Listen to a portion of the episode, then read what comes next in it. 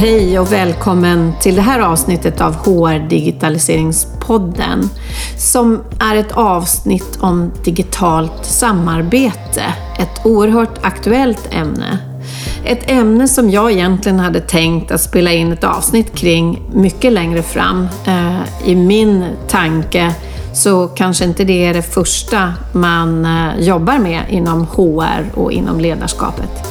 Men nu har det blivit väldigt aktuellt och för att diskutera det här ämnet så har jag då bjudit in Peter Bjellerup som är expert på digitala samarbeten och jobbat under många år som rådgivare till olika företag och organisationer i hur man ska jobba digitalt kring samarbete när man är stora organisationer. Vad vi pratar om idag är eh, både dig som individ när du sitter hemma som medarbetare, men också ganska mycket om ledarskapet och vad man behöver tänka på när man inte träffas längre och hur man då kan jobba som ledare i den här formen och eh, att man behöver tänka igenom tillsammans med teamet hur det nu ska fungera.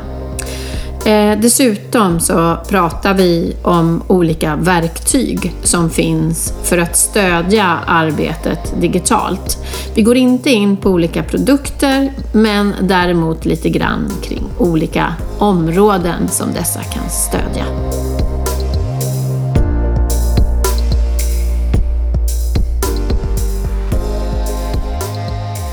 Det här avsnittet som eh, vi ska spela in nu, det är ju tänkt egentligen, hade jag tänkt att det här skulle spelas in någon gång i höst faktiskt. För om man tänker på det här med digitalt samarbete så eh, kanske inte det ligger på första eh, punkt på agendan hos eh, HR och ledare i vanliga fall. Men nu har ju livet blivit, blivit lite annorlunda. Så nu har jag ju bjudit in dig Peter för att prata lite grann om det här med digitalt samarbete. Så välkommen hit till podden. Tack så mycket Anna. Kul att ses igen och höras. Ja, precis. Och då kan vi ju säga att vi passar ju på nu att köra en distansinspelning som är första gången för mig. För jag har ju alltid spelat in de här poddarna när man har suttit eh, mitt emot varandra. Men det är ju liksom inte så lämpligt just nu. Och dessutom så sitter ju du i en annan del av Sverige, Peter. Ja, precis. I Malmö närmare bestämt. Mm. Så kan inte du börja berätta vem du är och kanske också om du tror varför jag har bjudit in dig till det här? Jo, det kan jag väl göra. Ehm, och vi har ju mötts för och varit kollegor för eftersom vi... Eh, jag kommer inte riktigt ihåg hur många år det är du har men jag har ju ägnat ungefär lite drygt 15 år av mitt arbetsliv åt att arbeta på IBM. Eller åt IBM. Och eh, där är, får man ju väldigt mycket distansmöten av olika slag och jag tror väl att jag tror att jag har varit med på några tusen eh, eller någonting sånt där, eller någonting till. Jag har aldrig räknat dem men både som deltagare, som värd och som presentatör eh, i alla möjliga varianter. Men inte bara det utan i drygt 10 av de där drygt 15 åren så har jag dessutom arbetat som internationell konsult inom distanssamarbete som jag eh, brukar tala om. Eh, notera att det inte bara är distansarbete utan distanssamarbete som mm, jag eh, har jobbat med. Så där har jag farit världen runt och eh, hjälpt företag att komma igång med det. Men hur, hur, vilken typ av företag? Är det globala företag du jobbade med då? Eh, huvudsakligen. Eh, det var ju IBMs lösningar jag jobbade med och de var ju oftast eh, inriktade på företag över en viss storlek. Så att eh, det var ju inte sådär som för sådana ensamkonsulter som, som du och jag Anna. För nu är du egen? Från, ja, det är jag sedan i somras. Mm. Sen i somras är jag, jag, jag, alltid, jag har ju alltid varit lite egen men nu är jag egenföretagare också. Precis. Och så älskar jag att leka med ord som du vet. Ja, ja, det vet jag. Men du, om du tänker tillbaks på eh, alla de år som du har jobbat med det här med distanssamarbete. Har du sett någon, eh, någon förändring över tid? Eh, är vi bättre på det nu? Är vi, och därmed kanske förberedda nu när vi alla kastas in i det på något sätt? Tyvärr är jag tveksam om vi är det. För att, ja, vissa av oss, men det är ju så att dels så har det eh, fokus varierat. Eh, under större delen av min tid så försöker, och det, vill jag gärna försöka predika fortfarande, så ska man försöka arbeta och samarbeta bortom sin vanliga sfär. Eh, bortom så att man inte bara ringer en vän fast via någon sorts digitalt redskap utan att man sträcker sig längre. Eh, men de flesta tittar inte längre bort än sina team.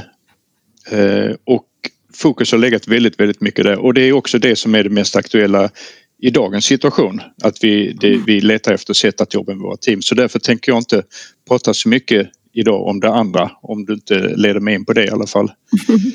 Eh, men sen det andra är ju att folk är så, har, varit, har varit och är fortfarande så löjligt fixerade vid att prata teknik. Och jag tycker det är väldigt mycket viktigare för att få det här att funka att man pratar om attityd, kultur, arbetssätt eh, och vanor.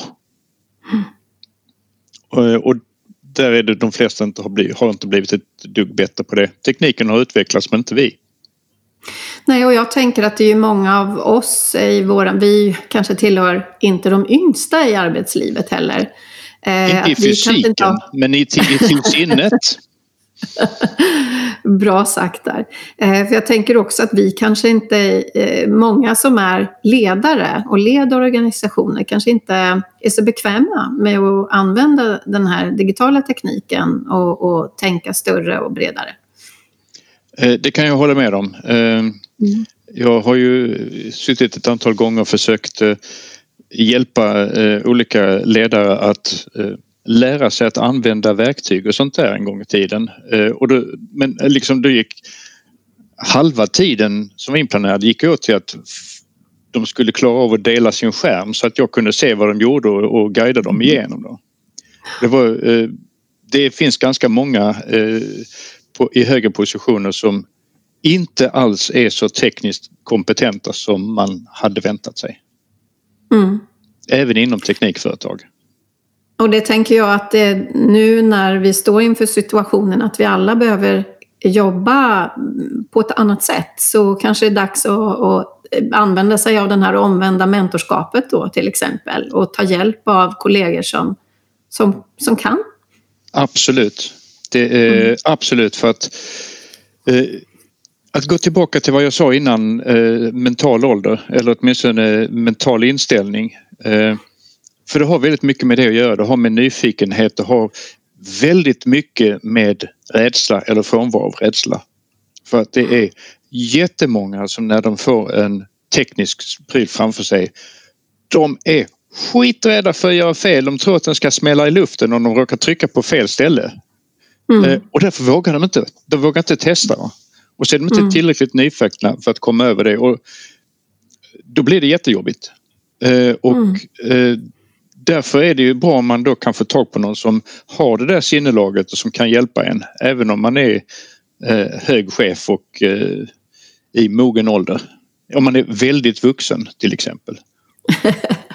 och jag tänker också, jag jobbar i vanliga fall med, med HRs digitalisering och samma sak där, att det ofta finns i HR-gruppen någon som är mer intresserad. Och när man börjar lyfta i gruppen och göra en workshop och titta på vad, vad har ni för möjligheter, då hittar man individer som, som, eh, som tycker det här är kul men kanske inte riktigt vågar stå för det heller. För det kanske inte är tillräckligt det kanske inte är någonting man letar efter i en arbetsgrupp när man jobbar med människor. Men idag så är det någonting man verkligen ska lyfta fram, vad man har för olika sidor och möjligheter i en grupp när man ska göra saker på nya sätt. Precis, det är liksom eh, det, det, det finns inte många eh, vad heter det, kompetensinventeringar som har nyfiken på teknik som parameter. Eh, Nej. Men det borde man ju kanske ha. Mm. Men om vi ska gå in på de frågor jag hade förberett lite grann här så tänker jag att vi kan börja med, nu har ju många delat redan i sociala medier kring vad ska du tänka på när du då ska jobba själv? Hur ska du liksom hur ska du se till att det funkar om du nu får sitta hemma ensam och jobba istället för att gå till kontoret? Vad kan du ge för tips där? Mm, det ska jag gärna göra. Eh, till börja med måste jag säga att jag tycker det ska bli, det är en sak som jag tycker är ja, eh, jag, jag, som jag hoppas kan komma ut något positivt av, av den här eh, förbaskade coronakrisen. Och det är att man kan säga att man arbetar hemma utan att folk ska liksom höra ett luftcitat om runt arbeta du hemma, ha ha ha. Och tror att man hänger tvätt eller, eller eh, ligger på sofflocket hela dagen. Utan att folk märker att man faktiskt kan göra det. Men där är det några grejer som är jätteviktiga. För att det, det ligger någonting i att det finns en stor risk att man gränserna suddas ut eller flyter ut. Så att antingen man arbetar alldeles för lite eller att det sväller ut över allting. Utan man måste försöka sätta lite gränser på diverse olika sätt. Som till exempel att man försöker ha en arbetsplats. Eh, jag har ett löjligt litet skrivbord som är alldeles för belammat. Det syns inte eh, i bild som tur är när man kör videomöten eftersom det hamnar bakom datorn. Men i alla fall, man har en plats där man jobbar så att inte hela hemmet börjar kännas som arbetsplats. Det är en sak. En annan är att man försöker ha rutiner. Gå upp i tid på morgonen precis som om folk som söker jobb ska ha rutiner också. Men gå upp på morgonen, jobba, sätta sig, göra vissa saker, ha något schema eller någonting sånt. Eh, ta en lunch. Man kan kanske kosta på sig att hämta lite luft också. Ehm, eh, och, och, och, sånt där. Och att man klär sig eh, någorlunda vettigt i alla fall. Eh, det är eh, också så att man känner att man, man går till jobbet fast hemma. Dessutom kan det där gamla skämtet om att man kan sitta i kavaj och slips eh, upp till och, och pyjamas ner till. Det är ingen bra idé faktiskt, inte nu när man har videomöten för det kan hända saker som gör att man behöver resa sig upp och flytta sig och då blir man avslöjad. Eh, ja. Det är en sak. En annan sak är också att man ska ta av sig sin stegräknare. För att mm. annars blir man heldeppad. För det är förfärligt vad man rör sig lite när man sitter hemma och arbetar. Eller så gör man någonting åt det. Man ser till att ta ett träningspass. Eh, om gymmet är stängt, för det är ju en del som är det eller har minskat, ja ut i friska luften eller gör lite eh, någon sorts ah, träningspass hemma eller som jag gjorde i helgen, ge sig ut på cykeln på landsvägen eller någonting sånt. Eh, så se till att röra på sig för annars, annars soffar man till sig. Det är bara så. Eh, och sen så eh, tycker jag det är viktigt också att man Just, ja, det, det, hänger ihop med det här men att man försöker, man måste medvetet anstränga sig för att fokusera. Eh, inte bara på att skilja jobb och, och, och fritid utan även på vilka uppgifter man ska göra var och när och försöka hålla it, isär tid och det är ju någonting man kan praktisera även när man är på ett kontor. Men hålla isär tid för, vad ska vi kalla det, kommunikation på olika sätt och för fokuserat arbete. Att då man nu ska jobba med den här presentationen eller det där stora kalkylarket eller någonting sånt. För det, det och, och, som sagt var, det här gäller ju inte bara, eh, bara nu när man jobbar hemma men alltså jag tror att eh, vi alla har haft de där dagarna ibland. Ibland blir de tyvärr för många. När man känner att vad har jag gjort idag? Jag har inte fått ett skit gjort. Och sen så vad gjorde jag istället? Och så kommer man på att man har suttit och småplockat med lite mail eller kanske någon chatt eller kanske något annat. Och så blev det inget vettigt av det. Utan försök separera tid. Det är väl ungefär ja, jag... mina tips. Ja, och jag tänker det. Jag har jobbat ganska mycket hemma under mina år då eftersom det har varit möjligt och ett sätt också att spara tid när det har varit väldigt mycket att göra. Att man kan å ena sidan bli väldigt fokuserad på en arbetsuppgift och, och eh, ingenting behöver störa. Samtidigt som det kan lika gärna eh, fara ut och bli allt möjligt. Mm. Så personligen så gör jag eh, listor. Eh, att jag gör en, en avbockningslista för att hålla mig på spåret av mm. vad som är tänkt att genomföra. Det finns eh, diverse olika sådana. Jag använder en, en grej som heter Remember the Milk plus att jag för att hålla reda på mina to-dos och sådär. Så att ja, absolut. Sen finns mm. ju så, sådana där saker, jag nämnde fysik också. Det finns ju diverse hjälpmedel för att påminna, påminna sig om att ta pauser. Mm. Jag har en som för mina ögons skull som suddar, eller lägger sig över skärmen var 20 minut. Just det, den har jag glömt stänga av förresten. Men lägger sig över skärmen var 20 minut i 20 sekunder så då ska jag bara fästa blicken 20 feet bort. Det är någon sån här tumregel mm. för ögonen. Och sen med andra jämna mellanrum så, så eh, är det lite längre för att man ska ta en lite längre paus och faktiskt sträcka på benen. Mm. Vad bra, men hur, hur kan man eh, tänka när man eh, som ledare då? Nu kan man sitta i ett, eh, ja, hemma hos sig och så plötsligt så har man varit man, eller vi backar bandet, en ledare som har haft ett team nära sig i sitt kontor eller sin, på sin arbetsplats och så plötsligt så är det alla hemma på olika kontor eller så är flera vissa på kontoret och andra hemma beroende på, eller på arbetsplatsen. Jag ska inte säga bara kontor, det finns så mycket andra arbetsuppgifter att utföra. Hur, hur tänker man där? Finns det några råd att ge hur man ska liksom få saker att flyta på? Jag tänker att man behöver hjälpa varandra Ja, det måste man göra. Men jag skulle vilja säga att en sån här situation, om man är... Att det, det är lite det är lite grann av ett stresstest på ledarskapet. Eh, för att jag tror att det finns en hel del halvbra personer som har hamnat i ledar, eh, ledande roller, chefsroller på något vis. Eh, som kanske var bra på det de gjorde men inte var bra på det de blev befordrade till. Och det är inte deras fel eh, men som på något vis har lyckats hanka sig fram kortsiktigt med hjälp av micromanagement. Eh, med folk som finns eh, runt om dem och kan hänga över axeln och, och, och peka och säga ditten och, och göra datten och sånt där så att folk egentligen bara, medarbetarna eh, funkar mer eller mindre som en förlängd arm men inte mycket förlängd hjärna. Det går inte nu den, det, det, det, det, funkar inte det, och därför menar jag att det är ett eh, stresstest på ledarskapet. Utan nu gäller det ju att man som ledare vågar lita på folk. Att fokusera på vad som görs och vad man åstadkommer. Inte bry sig lika mycket om hur det åstadkoms. Kanske inte ens när och definitivt inte var. För nu är det hemma för många. Eh, man får helt enkelt börja lita på att de medarbetare som man arbetar med, att de är vuxna människor och kan ta ansvar. Och lita på dem. Och har man problem med det och tycker att det här känns jättejobbigt så kanske man ska fundera på om felet ligger hos medarbetarna eller hos, i ens eget ledarskap. Mm. Och satsa på att utveckla det eh, senare om man nu skulle komma fram till att det är det som är där utmaningen egentligen ligger.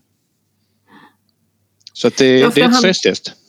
Ja, det handlar ju väldigt mycket om att lita. Men samtidigt så kanske man ska också plocka upp lite eh, hjälpmedel som finns för ledarna. Jag tänker då på det här med att sätta mål. Alltså vi har eh, i i all, nästan alla organisationer så har man ju något man kallar, kallar för performance management, det vill säga man sätter mål för året, för kvartalet, för månaden. Och det är inte alltid att alla ledare tar det på jätteseriöst, eh, ja, på allvar, utan man gör det kanske mer för, ja, det, det säger HR att man ska göra. Men jag tänker att i de här situationerna nu när vi inte ser varandra längre och du då som ledare kanske måste lära dig då att lita på dina... Så tänker jag att den här, att ta upp den här mål, måldokumenten och kanske titta igenom dem och jobba tillsammans och se men vad är mitt mål? Behöver vi ändra på målet nu när, det när vi ska jobba hemifrån? Eh, hur ska du kunna nå upp till dina mål? Hur ska du kunna leverera? För det, jag tänker också att det blir en test på ledarna hur mycket de kan leda och lita på.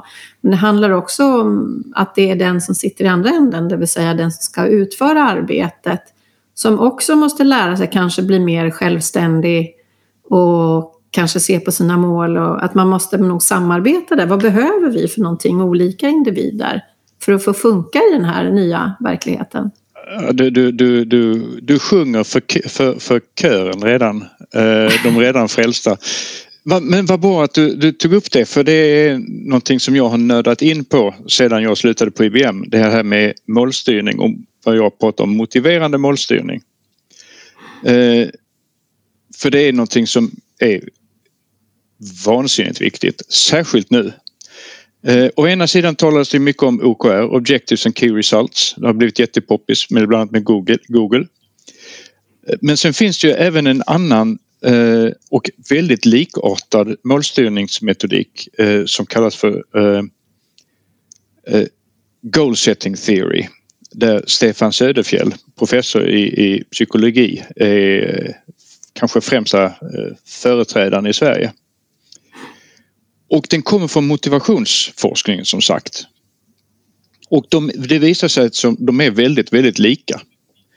Eh, där OKR liksom tittar högst upp och eh, Goal Setting Theory tittar lite längre ner på aktiviteterna och där går det ut på väldigt mycket att man tittar på eh, resultat. Det heter ju resultat av, ett, av en anledning. Det är vad som kommer mm. ut.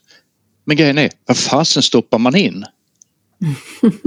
Och det är det som eh, Goal Setting Theory jobbar med där man pratar om mera vilka aktiviteter och åtgärder man ska göra och där det, där det går ut på att uppifrån kommer vad man ska lyckas med. Men nere jobbar man själv med hur ska man lyckas med det?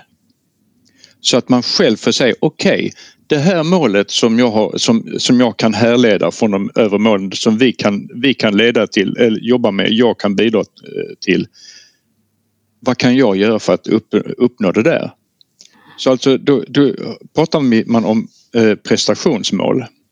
Eh, vad jag ska prestera och där det går ut på att jag är inte beroende av någon annan för att prestera det här. Nästa steg är behöver jag utveckla min kompetens för att kunna det här. Så klar, talar vi om kompetensmål eller lärandemål.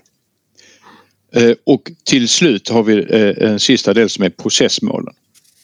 Så alltså alla de här sakerna att men då går det ut på att det är delegerat och självdrivet. Så att egentligen när man pratar om att man ska revidera målen så, så eller eh, diskutera målen då är det egentligen jag som ska ta initiativet för att tala med min chef att nu ligger jag till så här med mina mål. Eh, mina prestationsmål, mina lärandemål och jag behöver justera, jag behöver göra ditt eller jag behöver göra datten. Det ska inte komma uppifrån. Och då blir det ju genast mer motiverande och med andra ord långsiktigt eh, hållbart. Och det passar ju perfekt nu för då får man en organisation som klarar sig på, egen, på eh, att jobba på det här viset som vi nu hamnar i. Mm. Och då Så jag tror att det här kan vara jättebra. Ja, förlåt, nu pratar jag Nej, nästan i munnen. Eh, jag, jag, tänker att det, det, är ju väldigt mycket både ledaren och eh, personalen som måste be om hjälp också och hitta former för hur ska jag kunna få hjälp nu när jag sitter helt själv med att uppnå mina mål.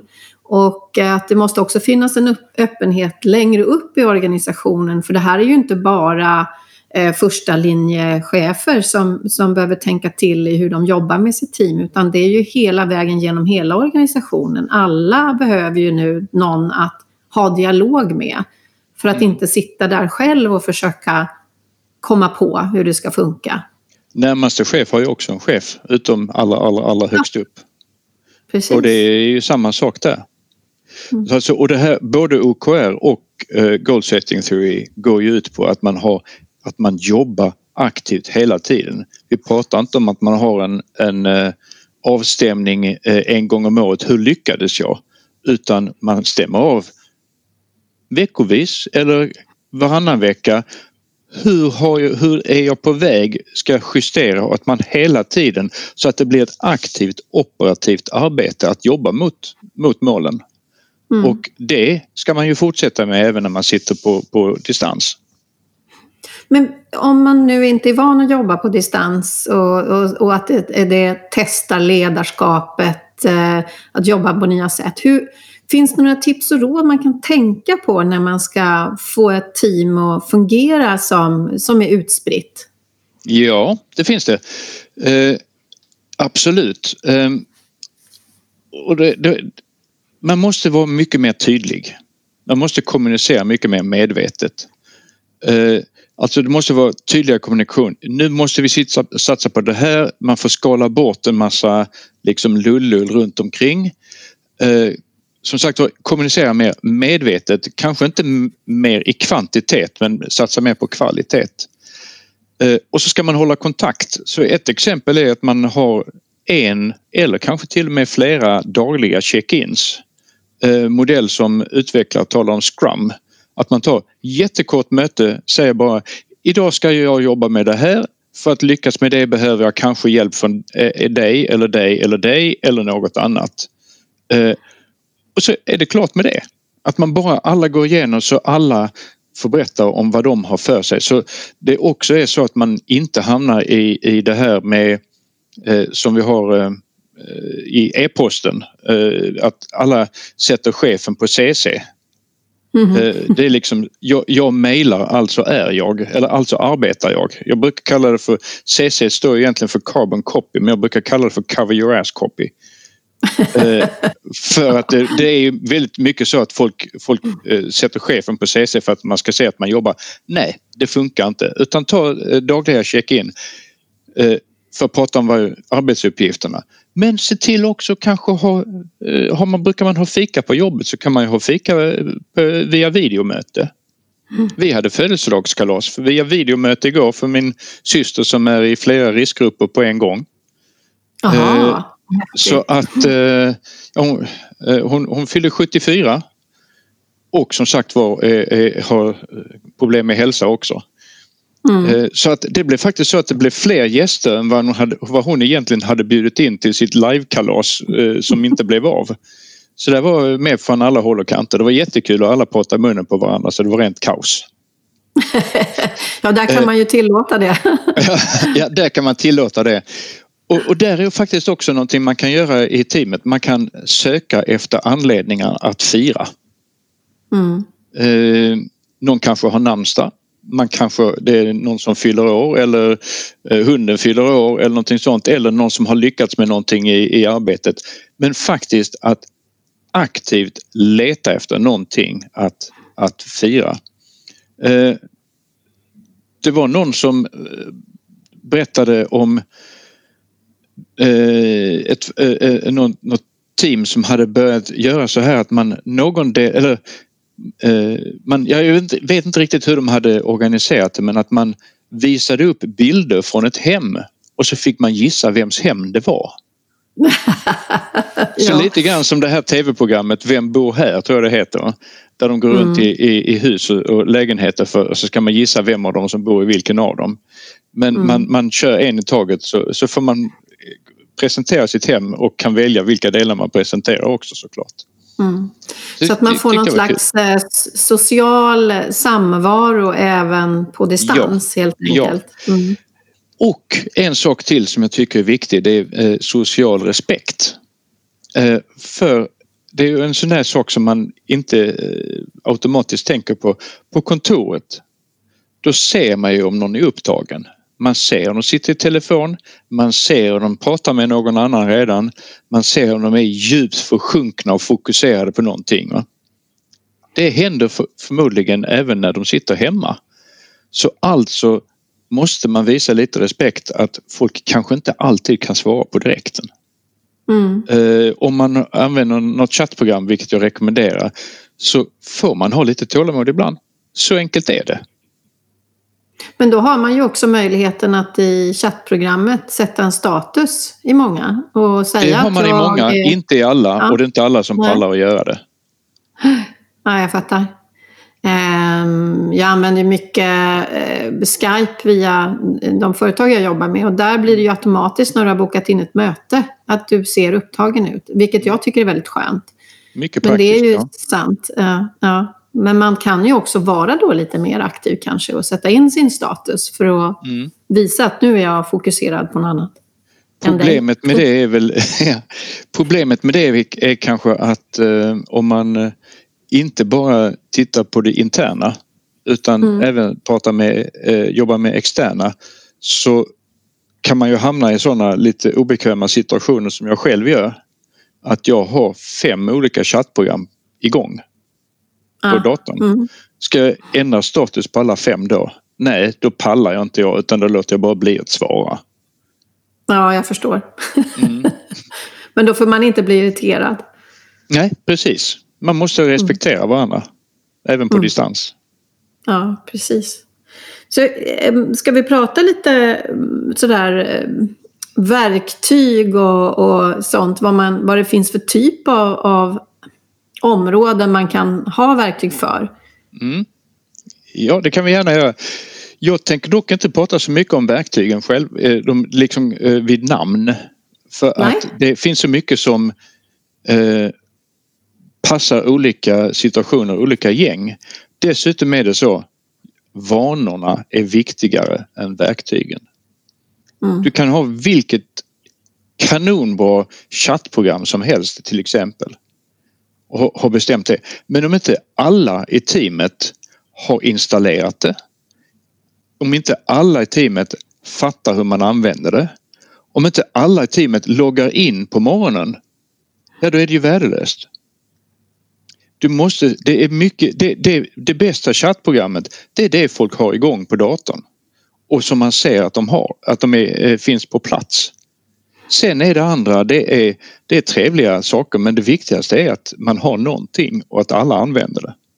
Så därför menar jag att vanorna är viktigare. Ehm, och än en gång som jag sa, det här med internt externt. Man kan ju försöka styra det internt och det, det rekommenderar jag definitivt att man försöker konsolidera så man inte använder alla möjliga.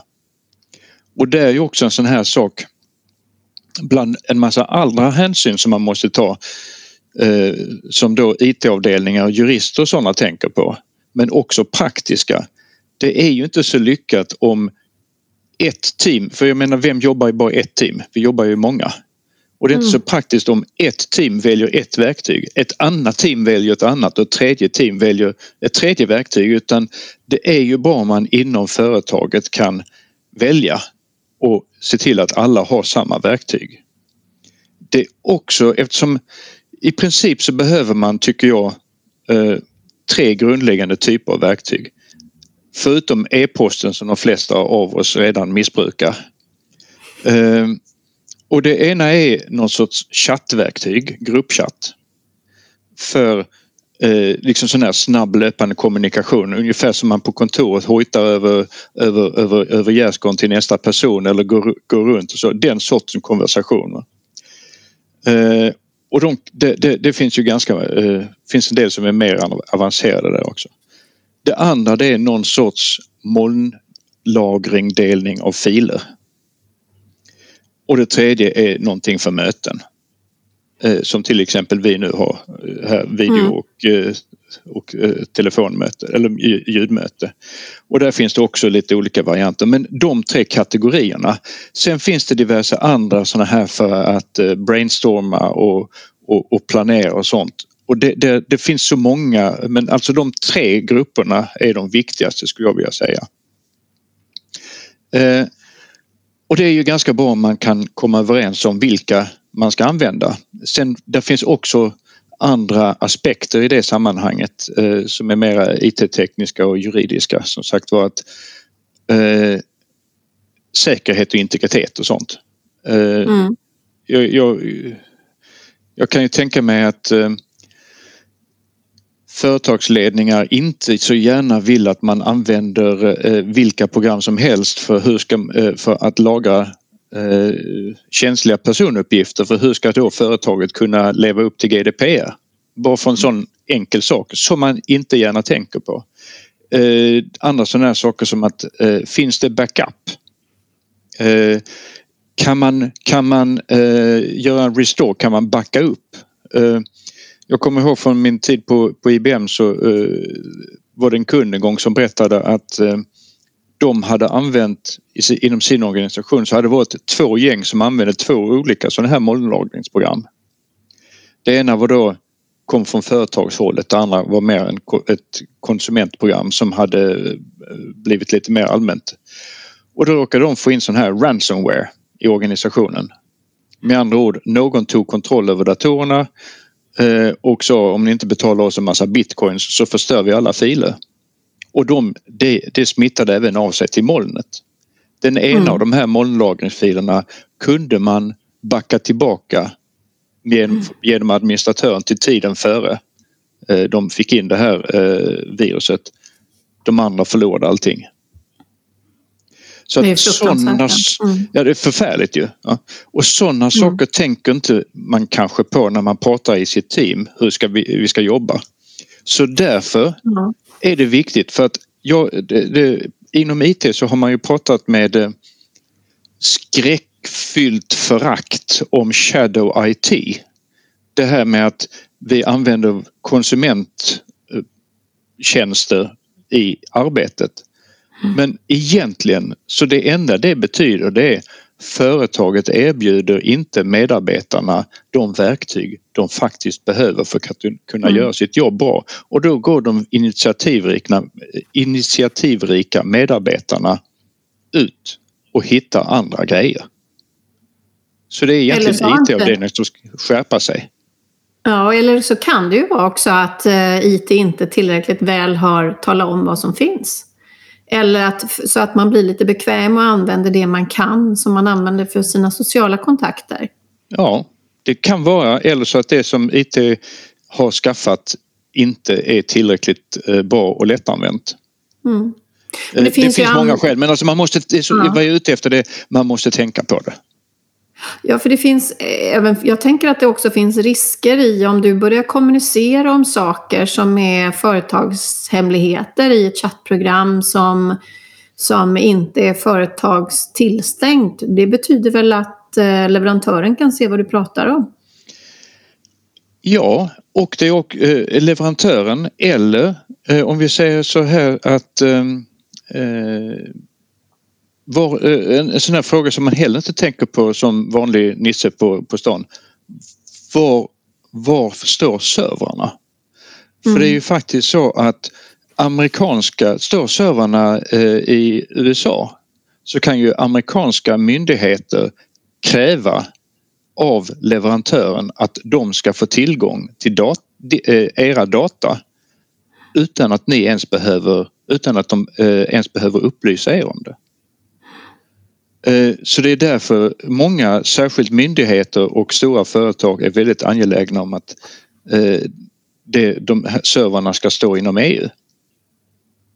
Eh, och nu är det en massa juridik och sånt finlir som jag inte kan med det här men alltså jag, jag bara upp, vill uppmärksamma sånt man ska tänka på. Och när man har tänkt på allt det där då ska man tänka på att man ska använda rätt verktyg för ändamålet som jag sa innan, de flesta av oss eh, har eh, överutnyttjat och fel, felutnyttjat e-post till allting. Eh, jag brukar prata om in, inkorgen i e-posten. Det är en to-do-lista som andra har prioriterat. Mm. Eh, använd rätt grejer och, och, och håll er till dem. Sådana här lite snabba konversationer som jag sa.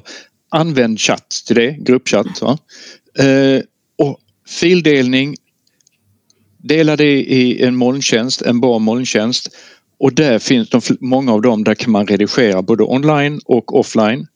Man kan redigera tillsammans online så man kan sitta flera stycken och, och skriva i dokumentet samtidigt. Eh, eller så kan man åtminstone kommentera och eh, göra en liten kommentar. Jag tycker du ska ändra ditten och datten och sånt där. Och om man väl har börjat göra det då ska man ju för tusan inte helt plötsligt någon sitta och göra, göra en redigering offline på sin egen dator och skicka den som bilaga i e-post för då får någon stackare sitta och, och, och maka ihop allt det där. Mm. Då är det bättre att man gör det utan hålls, håll, äh, hålla sig i kanalen och är det någon som försöker rymma ur kanalen tvinga tillbaks dem. Säg nej.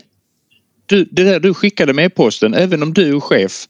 Nej, du får gå in och göra det här för annars så skapar du extra arbete för oss andra. Vi håller oss här.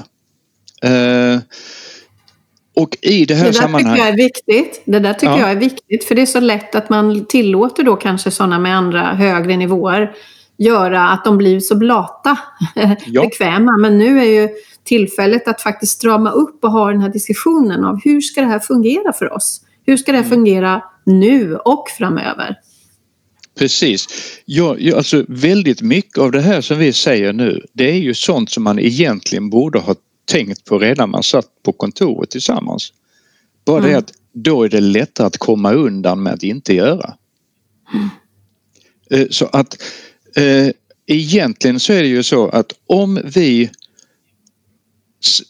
som standard arbetade så på kontoret som vi behöver göra för att det ska funka när vi sitter isär. Då hade kontoret funkat ännu bättre. Eh, med andra ord, som vi gör distanssamarbetesmetodiken och kulturen till standard så klarar vi oss både på kontoret och när vi jobbar isär. Och dessutom så klarar vi oss förmodligen, för blir vi ännu mer effekt, jag ska inte säga effektiva utan mer, vi får mer effekt av att när vi arbetar på kontoret och blir mer produktiva där. Så liksom byt standard. Mm. Eh, en sak om jag bara tänkte gå tillbaka till det där som jag sa innan det här med att logga in. Det är en sån grundläggande fjantig sak. För egentligen är det ju så att inte, har man kommit överens om ett chattprogram som man ska använda att inte logga in på morgonen det är ungefär som att ha sin, stänga av sin telefon. Vem skulle acceptera att en medarbetare sitter en hel arbetsdag med telefonen avstängd så att man inte kan nå dem? Mm. Nej, det är, samma, det är ungefär samma grejer. Så att, men då gör det ju också enklare om man har eh, ett verktyg som har flera olika möjligheter. Så att man kanske mm. har ett verktyg som har både chatt och videomöte och fildelning.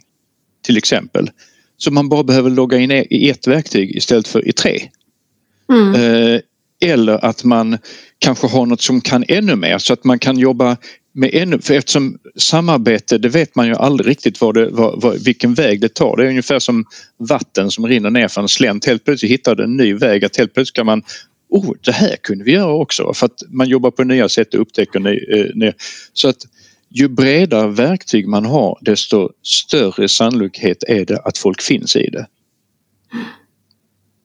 Men det grundläggande som sagt var chatt, molndelning av filer och eh, eh, möten. Och vad det gäller molndelning av filer så är det ju en väldigt enkel sak egentligen. Det är att gör det till standard. Istället för att lagra sina filer på hårddisken och sedan flytta dem till molnet. Lagra dem i molnet från början.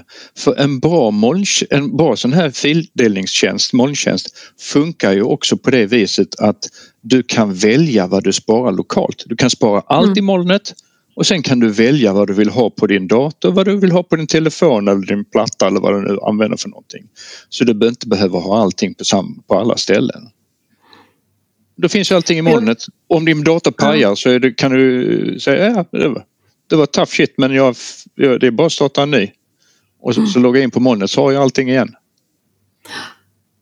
Och jag tänker att här är det nu tid för led ledaren igen att bestämma hur saker och ting ska gå till och att folk måste följa det. För jag har i alla fall upplevt tidigare att man kanske låter folk inte logga in på chattfunktionen utan accepterar vissa är lite mer digitala än andra. Men nu är det ju arbetsgivaren eh, genom dig som, som chef för ett team som har rätt att bestämma att så här gör vi nu. Att så här ska mm. vi arbeta tillsammans. Och det får man inte glömma bort, att man har en, en rättighet att bestämma hur jobbet ska utföras. Eh, sen så ett samarbete och man hittar individer som kanske kan hjälpa till, till den här förändringsresan som nu pågår så att folk inte känner sig så rädda så kan man väl använda hela teamet och resurser man har runt omkring sig. Absolut, instämmer fullkomligt. Alltså att låt medarbetarna som vet, kan sin situation bäst eh, mm. rekommendera vilka verktyg man ska använda. Eh, och sedan naturligtvis i samförstånd med, med IT eh, och så.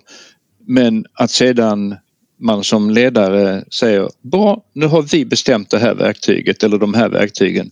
Nu använder vi dem till det här och ingenting annat. Och se till att hålla på det.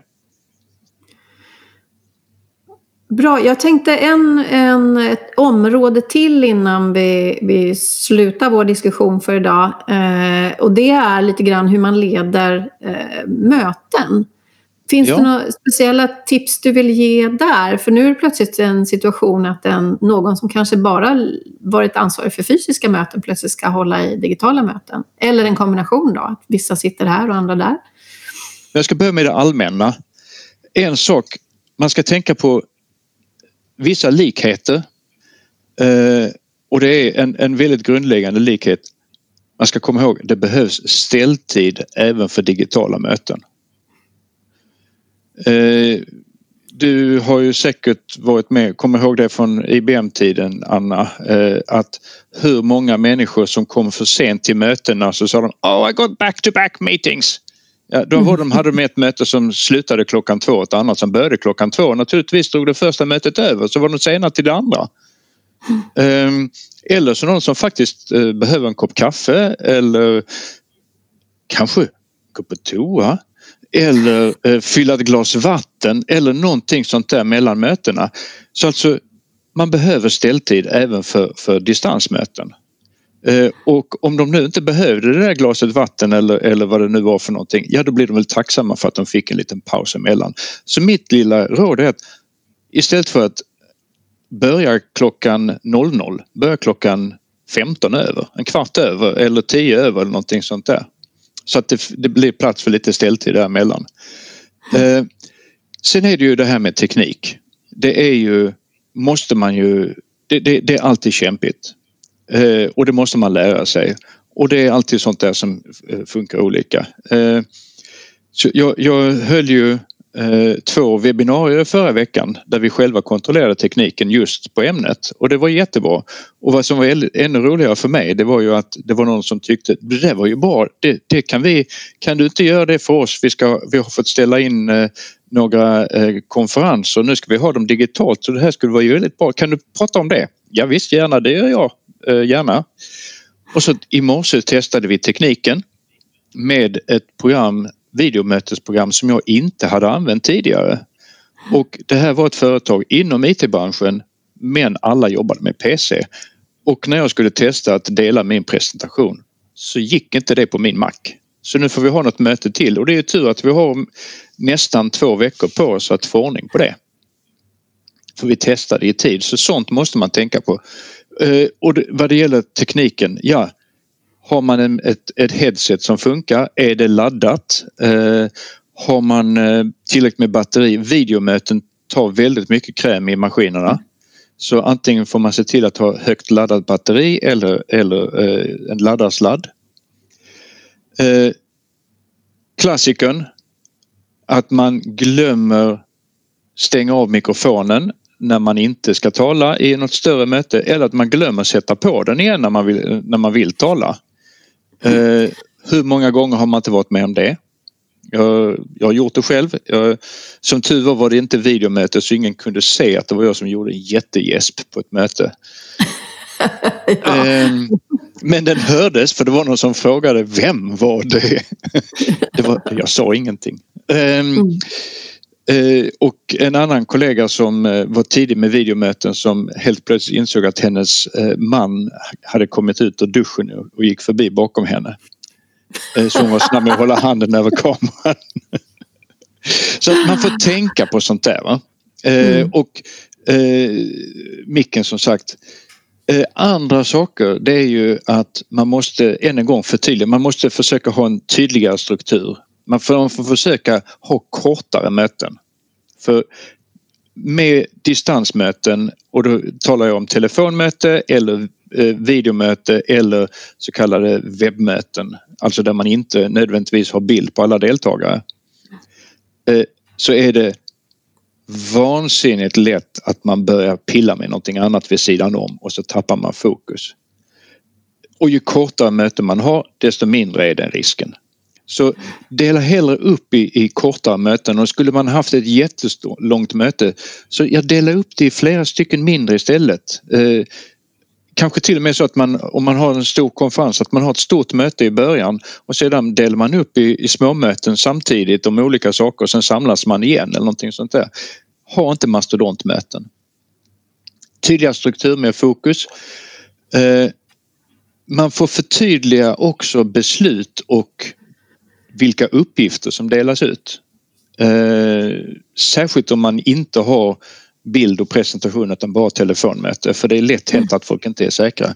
Och där använde jag en patenta en gång i tiden. Jag kom in, och detta är över tio år sedan, jag kom in i ett projekt som det var fullkomligt, de hade fullkomligt kaotiska telefonmöten och dessutom hade folk delat ut eh, koderna för värdar att logga in så att det hände att folk använde samma telefonmöteskod så att mötena krockade. Och det var, det var fullkomligt kaos. Och jag satte igång och köra, eh, kombinera alla möten med ett webbmöte där jag delade min skärm. Och så på den, det enda som fanns på den det var agenda. Och så fort vi hade gått igenom agenda så började jag göra mötesminne live. Jag skrev mm. efterhand som vi bestämde olika saker. Mm. Det betyder att alla kunde direkt reda ut eventuella missuppfattningar. Nej, det var inte så jag menade. Nej, men det hinner inte jag göra till dess eller sådana saker. Mm, mm. Eh, och eh, när mötet var slut, ja, dels så visste alla precis vad vi hade bestämt och för det andra så slapp jag lägga tid i efterhand på att skriva mötesminne. Mm. Det blev, mm. sen märkte jag ju, och det, det, var ju en sak, jag var inte alls chef för det här projektet. Jag kom in som vilken, eh, jag var bara en av, en av flera konsulter. Men jag märkte ju att jag satte en trend för sen började de andra göra samma sak eller åtminstone ha videomöten eller vad säger webbmöten. Så att det, ja. det märktes att eh, jag blev en trendsetter där i det här och det blev mycket bättre ordning på alla. Man kan jag ska också... skvallra och säga att jag gör samma sak. ja men vad bra. ja men det är skitbra, eller hur? Ja, det är det. Mm. Eh, och ett annat sätt att korta möten det är ju att eh, flippa dem. Eh, så att man i princip struntar i att presentera saker på mötet.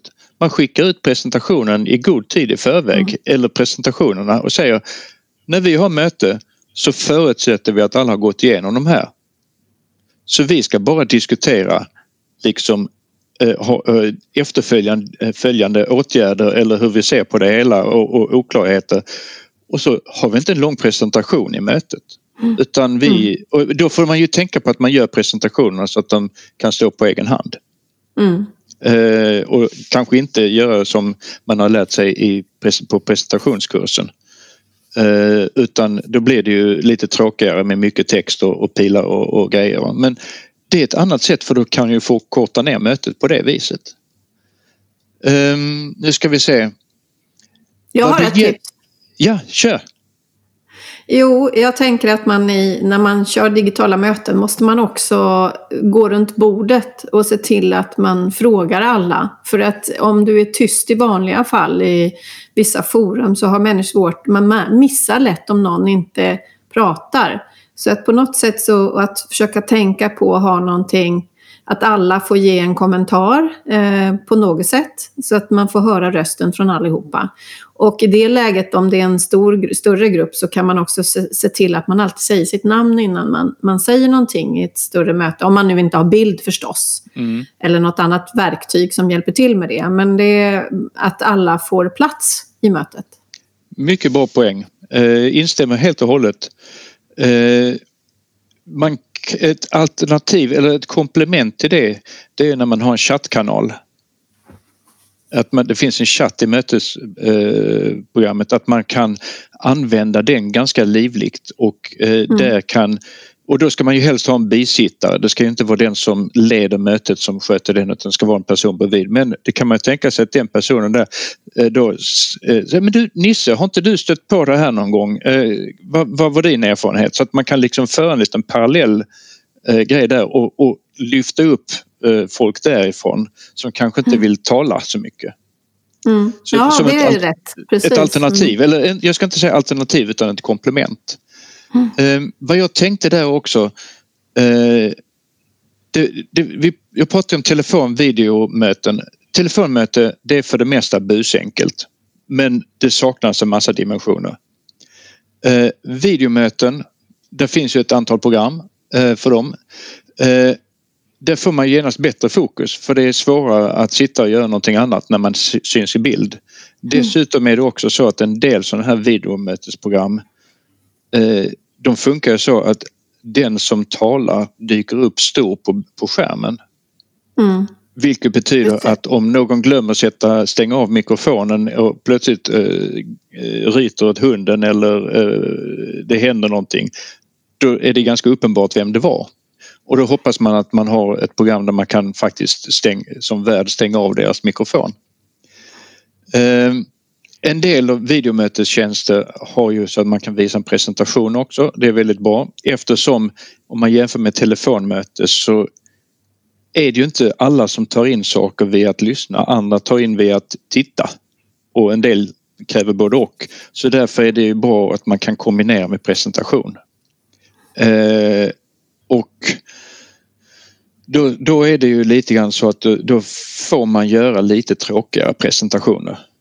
Eh, lite mer det här text och, och, och sådär och inte bara den där inspirerade bilden som man orerar om i, i 30 minuter. För att då, då, är det, då är det aktivt meningen att de, den ska stödjas, tycker jag i alla fall. Mm. Sen är det så här, antal deltagare. Eh, videomötet där alla syns med för många människor blir ganska stökigt. Eh, vad har man för apparater? Och vad har man för bandbredd? Videomötet tar jättemycket band och liksom batteri. Så därför är det ju då jobbigt för folk som har dålig eh, uppkoppling på ett eller annat sätt. Och då finns det en del videomötestjänster där man kan ringa in på ett vanligt telefonsamtal via sin telefon och det är ju också det är ett sätt att avlasta sin, den enheten som visar bild. Ju. Eh, kan man föra över filer, kan man eh, eh, chatta samtidigt, eh, kan man ha eh, göra någonting åt bakgrunden. Eh, det är inte alla som kan ha en, en prydlig bakgrund det finns något, några tjänster där man kan lägga till en, en eh, artificiell bakgrund ungefär som de gör med väderpresentatörerna på TV. Eh, men, och, men inte, ens, inte ens min eh, Mac som, som eh, har ett år på nacken. Jag köpte den för, ja, mitten på förra året. Inte ens den är kraftfull nog för det. Medan andra där kan man bara sudda ut bakgrunden. Och det är väldigt praktiskt.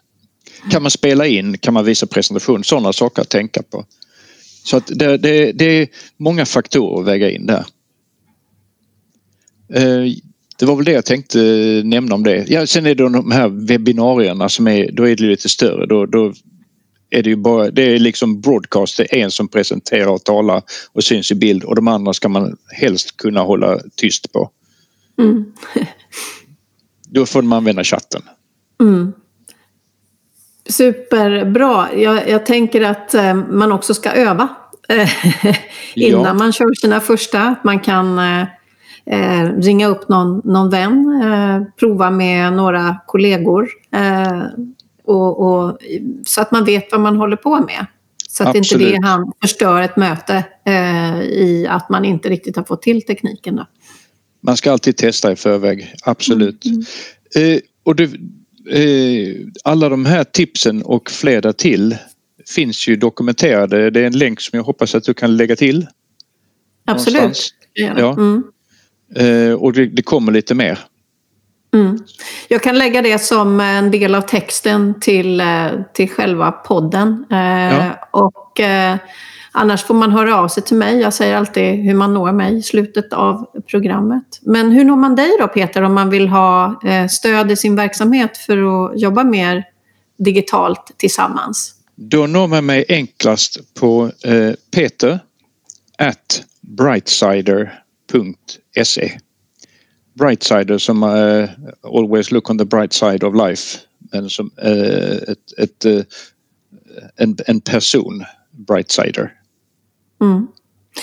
Jättekul att ha dig med här och tack så hemskt mycket för alla tips. Och jag hoppas att det är någonting som alla kan ha nytta av så här i de här tiderna när vi behöver samarbeta bättre digitalt.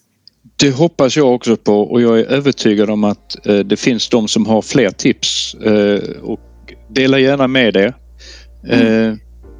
På LinkedIn, hashtag distanssamarbete till exempel. mm. eller på annat vis. Men dela med er. Det, vi behöver hjälpas åt nu. Precis, det behöver vi. Tack så mycket för idag Peter. Tack ska du ha Anna.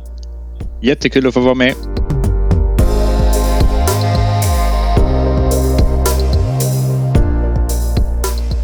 Tack för att du lyssnade på det här avsnittet av HR Digitaliseringspodden. Jag som driver podden heter Anna Karlsson och till vardags så är jag konsult på området HR Digitalisering.